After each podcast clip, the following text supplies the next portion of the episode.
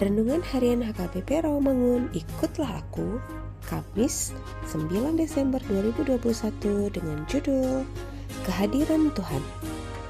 Bacaan kita pagi ini tertulis dalam Amos 6 ayat 1 sampai 8 dan bacaan kita malam ini tertulis dalam 2 Korintus 8 ayat 1 sampai 15 dan kebenaran firman yang menjadi ayat renungan kita hari ini ialah Wahyu 21 ayat 3 yang berbunyi Lalu aku mendengar suara yang nyaring dari tahta itu berkata Lihatlah, kemah Allah ada di tengah-tengah manusia dan ia akan diam bersama-sama dengan mereka.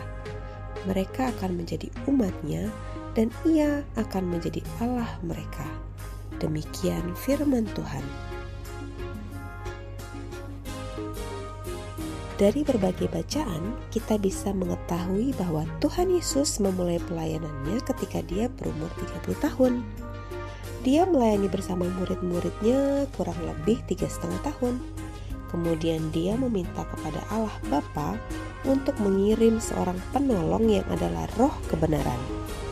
Penolong inilah yang menyertai kita murid Tuhan sampai akhir zaman dapat kita baca dalam Yohanes 14 ayat 16. Jadi secara nyata sejak 2000 tahun yang lalu Allah hadir di tengah-tengah manusia, terutama tinggal diam bersama-sama orang percaya.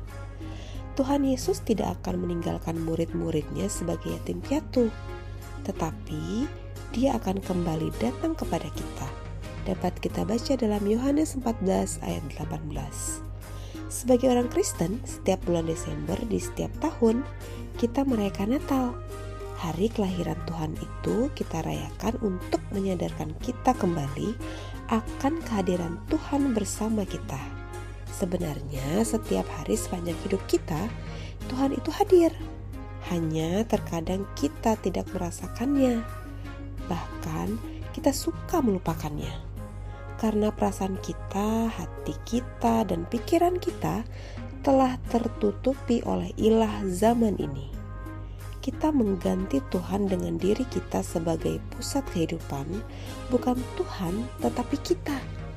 Untuk itu, mari kita kembali kepadanya. Mari kita rasakan kehadirannya, biarkan Tuhan kembali menjadi pusat kehidupan kita. Mari kita berdoa. Tuhan Yesus, terima kasih karena kehadiranmu. Mulai saat ini, jadilah pusat kehidupanku. Amin.